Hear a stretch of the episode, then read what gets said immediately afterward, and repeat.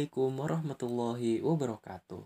Selamat datang kembali teman-teman bersama ISC Podcast. Nah, di episode kali ini, tim podcast dari International Studies Club memutuskan untuk membahas isu yang cukup menarik nih teman-teman, yakni tentang kemiskinan dunia. Nah, tapi sebelum beranjak ke sana, izinkan saya memperkenalkan diri terlebih dahulu. Nama saya El Arijal. Saya merupakan salah satu member dari ISC atau International Studies Club Nah, kebetulan saya juga pernah punya pengalaman nih dalam membawakan campaign tentang no poverty atau dalam bahasa Indonesia itu bisa dikatakan ya penghapusan kemiskinan lah gitu. Nah, memang kemiskinan ini merupakan sebuah permasalahan yang sangat rumit dan juga serius ya teman-teman. Ya, sebagaimana kita sudah tahu bersama lah. Nah, tapi teman-teman pernah kepikiran gak sih? Apa sih yang dimaksud kemiskinan itu? Kita kan sering banget tuh bilang kayak hapuskan kemiskinan pemerintah harus memberantas kemiskinan kemiskinan adalah masalah dunia dan sebagainya tapi apakah kita benar-benar tahu apa yang dimaksud kemiskinan itu Oke, mungkin teman-teman pendengar ada yang udah tahu atau mungkin ada juga yang belum tahu mengenai kemiskinan secara definitif. Tapi saya rasa kalau misalkan secara umum kita semua udah bisa paham lah ya, kita kebayang lah gitu kemiskinan itu yang kayak gimana sih gitu. Nah, tapi secara definisinya nih bakal kita sampai ini. Jadi kita bakal ngasih beberapa definisi dari beberapa pandangan dan juga beberapa sumber. Oke, yang pertama ada dari PBB atau Perserikatan Bangsa-Bangsa. United Nation ya, yang memandang bahwa kemiskinan ini memiliki manifestasi yang bervariasi, termasuk di dalamnya itu ya, keterbatasan pendapatan dan kecukupan sumber daya produksi untuk menjamin mata pencaharian secara terus-menerus. Kemudian kelaparan dan kurang gizi, kesehatan yang rendah, keterbatasan akses pada pendidikan dan pelayanan dasar, peningkatan jumlah penderita penyakit dan kematian karena penyakit, gelandangan dan rumah kumuh, lingkungan yang tidak sehat, serta diskriminasi sosial dan keterasingan. Jadi kalau kita melihat dari apa yang disampaikan oleh PBB, kemiskinan itu ternyata banyak macamnya gitu bervariasi. Cukup kompleks lah. Tadi ada disebutkan gelandangan kemudian kelaparan kurang gizi kesehatan yang rendah dan sebagainya. Itu juga merupakan bagian dari kemiskinan. Nah selanjutnya ada dari BPS atau Badan Pusat Statistik yang menyatakan bahwa kemiskinan sebagai suatu kondisi kehidupan yang serba kekurangan yang dialami seseorang yang mempunyai pengeluaran per kapita selama sebulan tidak cukup untuk memenuhi kebutuhan hidup standar minimum. Nah, itu kalau dari BPS atau Badan Pusat Statistik. Nah, tapi kemiskinan ini diatur juga sebetulnya di Indonesia oleh undang-undang yang mana tercantum dalam Undang-Undang Nomor 13 Tahun 2011 tentang penanganan fakir miskin. Dijelaskan pada pasal 1 ayat 1 yang menyatakan bahwa Fakir miskin adalah orang yang sama sekali tidak mempunyai sumber mata pencaharian dan atau mempunyai sumber mata pencaharian tetapi tidak mempunyai kemampuan memenuhi kebutuhan dasar yang layak bagi kehidupan dirinya dan atau keluarganya. Nah, begitu ya teman-teman tentang pengertian kemiskinan secara definitif. Mungkin ada yang paham atau juga bingung gitu ya, makin justru makin bingung nih setelah mendengar tadi pengertian-pengertian di atas. Nah, mungkin sederhananya itu kayak gini teman-teman. Bahwa orang-orang yang terhitung miskin itu adalah mereka-mereka yang sehari-harinya itu tidak cukup dan tidak mampu untuk memenuhi kebutuhan-kebutuhan dasar mereka sebagai manusia. Nah, kebutuhan-kebutuhan dasar itu apa aja sih? Tentunya yang pertama itu ada kebutuhan pokok ya, yaitu sandang, pangan, papan yang layak tentunya. Jadi kalau misalkan ada orang yang punya sandang pangan papan mereka punya rumah gitu mereka punya pakaian mereka juga bisa makan tapi tidak layak. Nah berarti mereka ini masih terhitung miskin. Nah itu kebutuhan dasar yang pertama ya. Itu ada atau tiga pertama itu ada sandang pangan papan. Nah kemudian selanjutnya juga ada edukasi. Nah kemudian yang terakhir itu ada pelayanan kesehatan. Jadi setidaknya lima kebutuhan dasar ini yaitu sandang, pangan, papan, edukasi, dan pelayanan kesehatan merupakan patokan seseorang ini dikatakan miskin atau enggak gitu.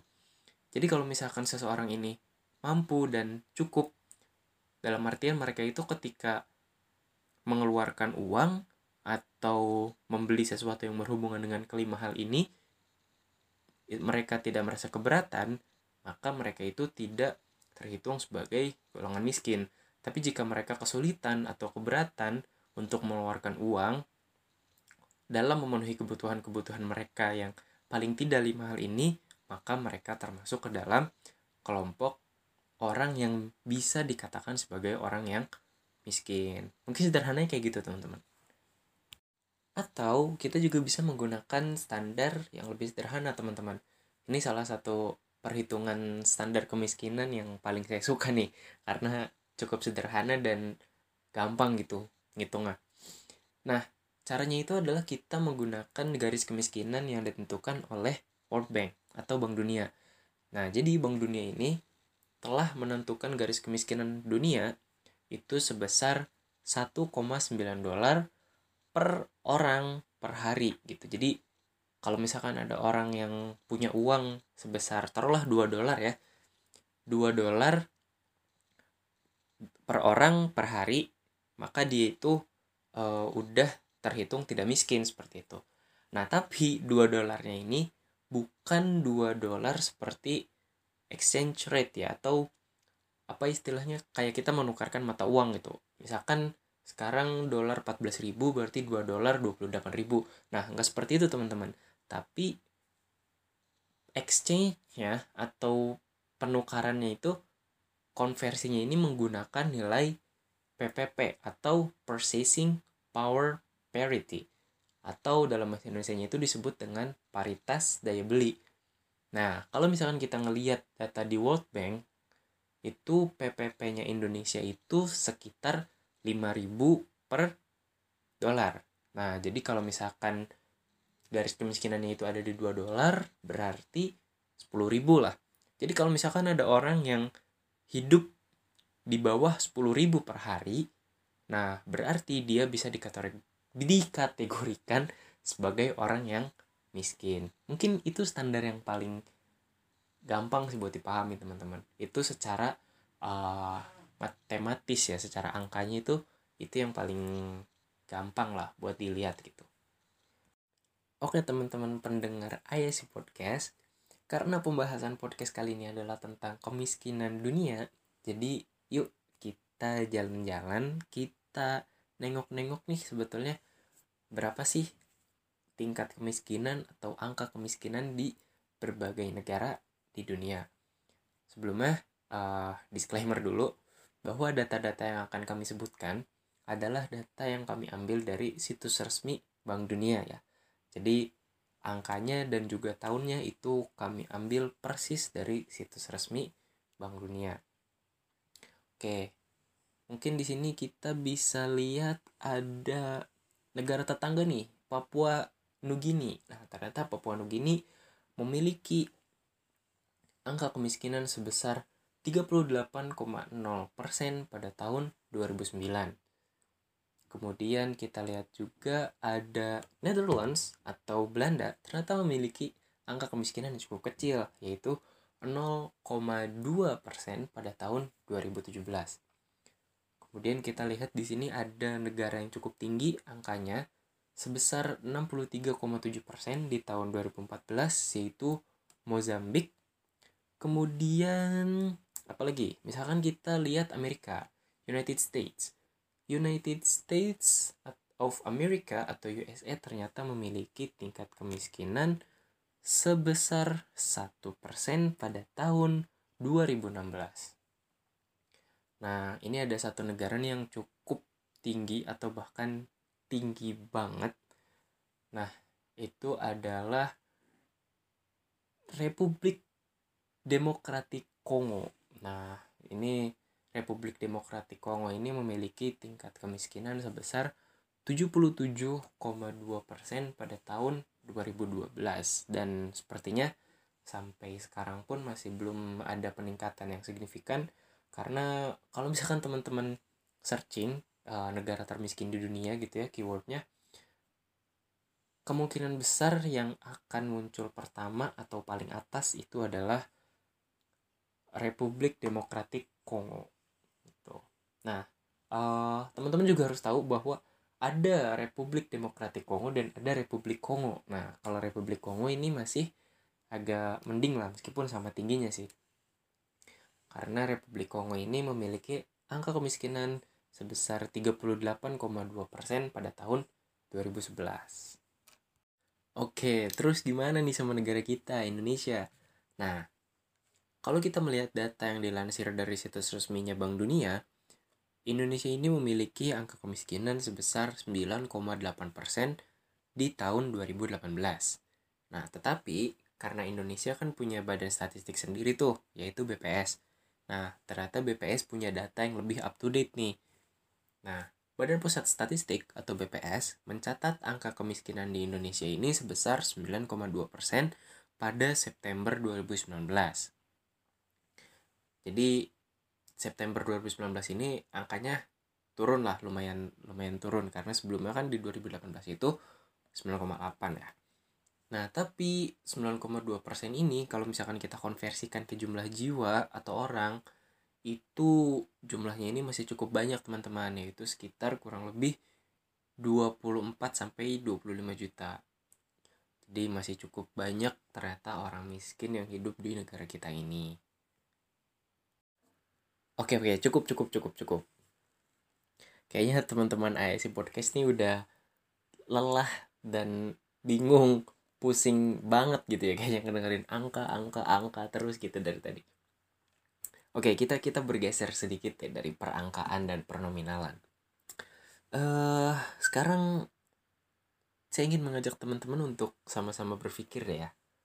Menurut teman-teman IC Podcast nih, apa sih sebetulnya yang bikin kemiskinan ini tinggi gitu? Yang bikin kemiskinan ini tuh sulit diatasi atau mungkin sederhananya apa sih penyebab dari kemiskinan ini gitu kan? Apa coba? ya sebetulnya banyak faktor sih ya dan semua faktor ini tuh kayak berhubungan dan tidak bisa kayak kita menyelesaikan satu faktor kemudian akan masalah kemiskinan ini selesai gitu enggak tapi memang permasalahan kemiskinan ini itu lebih kompleks dari sekedar orang yang nggak bisa makan terus dikasih uang dia bisa makan dan masalah selesai gitu kayaknya tidak sesederhana itu Oke, kita lihat deh faktor-faktor yang mungkin gampang kelihatan. Misalkan kayak yang umum deh, uh, kurangnya edukasi gitu kan. Karena dia kekurangan edukasi, dia jadi susah cari kerja, dia susah uh, dapet uang dan dia akhirnya miskin. Misalkan kayak gitu. Atau misalkan pemerintahnya ini kebijakannya salah sasaran gitu. Jadi misalkan uh, negaranya punya isu kemiskinan tapi pemerintahnya ini justru lebih fokus ke bidang lain tidak fokus ke kemiskinan dan edukasi gitu. Nah itu kan uh, bisa jadi salah satu penyebab juga. Atau misalkan penyebab-penyebab lain seperti yang sekarang terjadi nih pandemi pandemi COVID-19 itu juga sangat mempengaruhi tingkat kemiskinan atau tingkat kemiskinan di dunia lah ya. Ini sedikit sedikit ngebahas tentang angka lagi nih teman-teman ya. Biar biar biar gambarannya jelas. Uh, di situsnya Bank Dunia Bank Dunia itu Bank Dunia ini udah mencanangkan atau sudah memperkirakan bahwa grafik kemiskinan dari tahun 2015 sampai 2021 itu grafiknya itu turun. Nah, dari 741 juta orang uh, di 2021 ini bakal sekitar di 588 orang. 588 juta orang. Nah, tapi dikarenakan pandemi COVID-19 ini justru grafik yang tadinya itu harus turun terus dari 2015 sampai 2021 justru kenyataannya di 2019 ini grafiknya malah naik lagi. Nah, jadi yang harusnya di 2015 itu 741 juta jiwa dan di 2021 itu 588 juta jiwa sekarang justru di 2021 itu kemungkinannya ini masih kemungkinan ya kemungkinan yang disampaikan oleh Bank Dunia justru di 2021 ini bahkan jadi 751 juta jiwa yang lebih besar daripada grafik awalnya. Tadi kan di grafik awalnya ini di 2015 ini kan 741 juta. Nah, karena pandemi COVID-19 yang harusnya 2021 itu hanya 588 juta jiwa, tapi malah naik jadi 730 sampai 751 juta jiwa orang miskin di dunia gitu kan. Jadi memang banyak banget faktor yang bisa menyebabkan seseorang atau sebuah negara ini jatuh dalam kemiskinan gitu dan ini merupakan tanggung jawab kita semua gitu. Tidak hanya pemerintah tidak hanya PBB tidak hanya orang-orang besar tapi kita orang-orang yang lebih beruntung dibandingkan mereka-mereka yang kurang beruntung di bawah sana. Ya juga memiliki andil dan memiliki tanggung jawab untuk membantu mereka. Karena kita sama-sama manusia mereka adalah saudara kita juga. Jadi ya itu udah kewajiban kita dan tanggung jawab kita untuk membantu sesama manusia untuk sama-sama berjuang keluar dari jurang kemiskinan. Jadi jika mereka masih miskin jika mereka saudara kita yang sesama manusia masih ada yang miskin berarti kita nggak bisa dibilang kaya gitu. Kita nggak bisa kaya dengan adanya orang miskin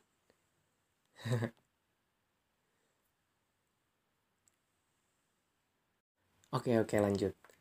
Nah itu kan sebuah penyebab atau faktor-faktor yang bisa dibilang umum lah kayak kita kita bisa menebak gitu bahwa memang itu semua adalah salah satu atau beberapa penyebab dari kemiskinan bisa terjadi di dunia. Nah tapi teman-teman tahu nggak sih ada ada salah satu penyebab yang menurut saya pribadi ini gimana ya agak bisa dibilang ironis atau aneh atau whatever lah di sini uh, kami ngutip dari liputan 6 bahwa PBB atau Perserikatan Bangsa-Bangsa menilai penyebab kemiskinan di negara-negara berkembang disebabkan proporsi anggaran untuk pembelian persenjataan terlalu besar. Nah, jadi secara nggak langsung masih banyak negara-negara yang sebetulnya ini punya masalah kemiskinan atau punya masalah kemanusiaan lain yang lebih penting di negaranya. Tapi justru mereka ini malah mengalokasikan dana anggaran yang mereka miliki ini untuk persenjataan atau untuk perang gitu. Jadi bukan untuk menghidupkan manusia, tapi justru untuk dalam tanda kutip malah mematikan manusia gitu ini menurut saya sih agak gimana gitu ya. Tapi memang begitulah kenyataannya gitu. Oke teman-teman ISC podcast. Sekarang kita bakal masuk ke pembahasan yang lain nih. Tadi kan kita udah ngebahas tentang pengertiannya apa itu kemiskinan. Kemudian kita juga udah ngebahas tentang penyebab-penyebabnya. Bisa itu karena edukasi bisa karena pandemi atau salah kebijakan dan lain sebagainya nah sekarang kita semua udah tahu bahwa memang permasalahan kemiskinan ini sangatlah kompleks dan sangat rumit namun nyata gitu kita mau gak mau memang dalam kehidupan ini ya pasti bersinggungan dengan masalah kemiskinan Nah, tapi sebetulnya karena masalah kemiskinan ini adalah permasalahan dunia, tidak hanya di Indonesia saja. Terus apa sih yang dilakukan pemerintahan dunia gitu atau apa sih yang dilakukan PBB gitu untuk mengatasi masalah kemiskinan ini? Nah, mungkin salah satu hal yang paling sederhana dan paling nyata adalah pada September 2015 di markas besar PBB atau Perserikatan Bangsa-Bangsa, para pemimpin dunia secara resmi mengesahkan agenda tujuan pembangunan berkelanjutan atau yang dikenal sebagai Sustainable Development Goals atau dikenal juga dengan SDGs. Nah, apa itu SDGs? Jadi SDGs ini bisa dikatakan sebagai cita-cita internasional atau cita-cita bersama para pemimpin-pemimpin dunia yang berisi 17 tujuan dengan 169 target yang merupakan rencana aksi global untuk 15 tahun ke depan. Jadi diharapkan semua goals dan tujuan yang ada dalam SDGs ini bisa tercapai pada tahun 2030 karena SDGs itu sendiri kan diresmikan pada tahun 2015. Nah, adapun tujuan adanya SDGs itu adalah untuk menyelamatkan manusia dan juga planet bumi. Jadi SDGs ini tidak hanya mencakup permasalahan-permasalahan manusia, tapi juga mencakup permasalahan di mana manusia itu tinggal, yaitu ya di planet bumi ini. Oke, tapi di sini kita nggak akan ngebahas terlalu banyak soal SDGs teman-teman, karena topik pembahasan kita adalah kemiskinan dunia, jadi kita hanya akan mengambil SDGs goal number one atau tujuan pertama, karena tadi kan ada 17 tujuan ya di SDGs itu. Nah, Tujuan pertama dari SDGs itu adalah untuk mengurangi kemiskinan dalam segala bentuknya di mana pun. Jadi tadi kan di awal di pengertian itu sempat kita singgung bahwa PBB menyatakan kemiskinan ini bentuknya banyak. Misalkan ada keterbatasan pendapatan, kemudian kesehatan yang rendah, kelaparan, kurang gizi, dan sebagainya. Itu semuanya adalah bagian dari kemiskinan. Nah, dengan SDGs diharapkan semua bentuk tadi dan juga bentuk-bentuk yang lain dari kemiskinan ini di tahun 2030 itu udah nggak ada, udah dihapuskan. Oke, oke, itu tadi kan kebijakan yang diambil sama PBB, sama pemerintahan dunia gitu untuk mengatasi masalah kemiskinan. Adapun implementasinya kan pasti kembali lagi kepada negara-negara itu sendiri. Nah, lantas apa yang dilakukan pemerintahan Indonesia gitu? Sebetulnya disadari atau tidak pemerintahan kita juga melakukan banyak hal ya untuk mengatasi masalah kemiskinan. Misalkan salah satunya ini dengan mengeluarkan berbagai macam kartu gitu, misalkan ada kartu Indonesia Pintar, kemudian ada kartu prakerja, kemudian ada kartu apa lagi dah? Ya pokoknya kartu-kartu itulah. Nah, itu kan semuanya itu ditujukan untuk mempermudah masyarakat Indonesia mendapatkan pendidikan, mendapatkan pekerjaan, mengurangi pengangguran dan sebagainya. Yang tentunya goals akhirnya ya untuk mengurangi kemiskinan itu sendiri. Kemudian jika kita melihat pada masa pandemi seperti ini, sebetulnya pemerintah juga melakukan banyak hal. Seperti pemerintah mempertimbangkan untuk tidak melakukan lockdown, hanya melakukan PSBB itu kan pertimbangannya adalah dari salah satu pertimbangan terbesarnya adalah dari segi ekonomi gitu. Jadi ya saya rasa PSBB ini memang sudah cukup tepat diaplikasikan di Indonesia meskipun memang dalam prakteknya ya ya begitulah. Kemudian juga misalkan ada lagi bantuan sosial atau bansos entah itu yang tunai maupun non tunai ya itu memang merupakan salah satu kebijakan yang sangat penting dan tepat menurut saya untuk dilakukan di masa pandemi seperti ini. Terlepas dari itu dikorupsi atau tidak, tapi dari pemerintahan itu sendiri kan sudah mengeluarkan kebijakan yang cukup tepat lah. Adapun dalam prakteknya itu memang sebuah ironi di masa pandemi seperti ini. Gitu. Baiklah teman-teman pendengar ASI Podcast Kita udah ngebahas apa yang dilakukan sama PBB dan apa yang dilakukan sama pemerintah Indonesia khususnya dalam mengatasi masalah kemiskinan Tapi sebetulnya masih banyak hal-hal lain yang tidak bisa kami sebutkan di sini teman-teman bisa searching sendiri bisa cari sendiri tentang informasi-informasi itu. Karena terlalu banyak kalau misalkan memang harus disampaikan satu persatu. Nah, tapi di sini kami ingin menambahkan beberapa poin tentang apa sih yang bisa kita kita lakukan untuk membantu mengatasi masalah kemiskinan ini. Tadi kan PBB pemerintah itu kan sebuah lembaga atau sebuah kelompok yang besar lah. Kita mungkin kita masih belum sampai ke sana gitu. Tapi kalau misalkan kita ingin membantu dan ikut andil dalam mengatasi masalah kemiskinan karena tadi sempat disinggung bahwa ya kita harus membantu saudara kita sesama manusia apa sih yang bisa kita lakukan? Sebetulnya banyak juga teman-teman yang bisa kita lakukan. Yang paling sederhana mungkin kita berdonasi. Ya of course itu adalah salah satu hal yang paling sederhana yang bisa kita lakukan untuk membantu teman-teman kita saudara-saudara kita yang membutuhkan di luar sana berdonasi rutin kalau bisa setiap bulan mungkin setiap minggu atau setiap hari akan lebih baik kepada teman-teman kita yang membutuhkan gitu.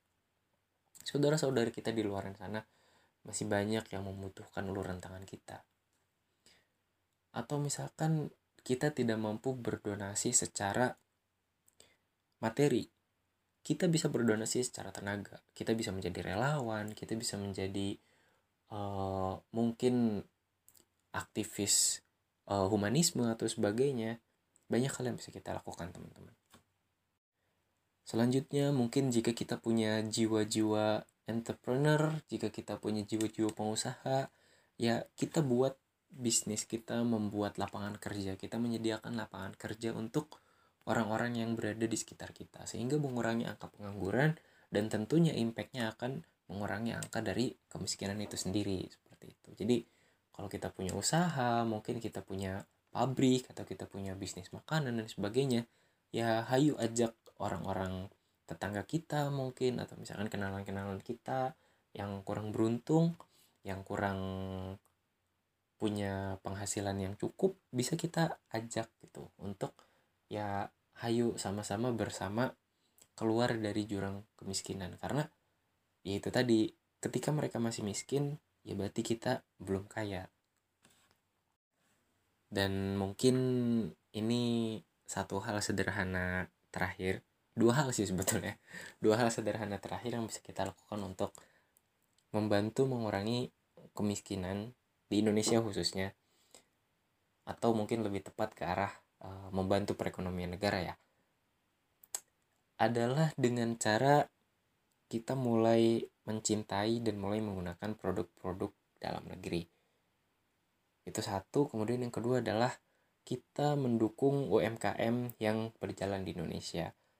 Jika kita melihat pedagang kaki lima atau mungkin pedagang-pedagang kecil ya kalau misalkan kita mampu ya kita belilah kita kita menolong mereka dengan cara membeli barang dagangan mereka gitu. Karena ya dengan kita membeli barang dagangan mereka ya kita juga secara tidak langsung menyambung kelangsungan hidup mereka seperti itu. Menurut saya itu salah satu hal yang sederhana tapi impactnya bagus sih. Ya begitulah teman-teman. Sebetulnya masih banyak hal-hal yang bisa kita lakukan. Teman-teman pendengar ISC podcast pasti uh, sudah bereksplorasi sudah memiliki solusi-solusi lain yang lebih wow gitu kan. But ya uh, mungkin bisa dibilang itu adalah beberapa solusi yang ditawarkan dari tim ISC podcast. Baik teman-teman pendengar ISC podcast uh, mungkin sekian podcast kita kali ini. Terima kasih banyak untuk teman-teman pendengar yang udah ngedengerin nih dari awal sampai akhir dari ya pokoknya dari awal sampai akhir udah dengerin makasih banget nih. Semoga apa yang kita bahas di sini ada manfaatnya. Kalau misalkan ada kesalahan baik itu data pengucapan atau hal lain sebagainya kami dari tim ISC podcast mohon maaf yang sebesar besarnya sekali lagi semoga ada manfaatnya. Dan saya El Arijal pamit undur diri. Sampai jumpa di ISC Podcast episode selanjutnya. Dadah. Assalamualaikum warahmatullahi wabarakatuh.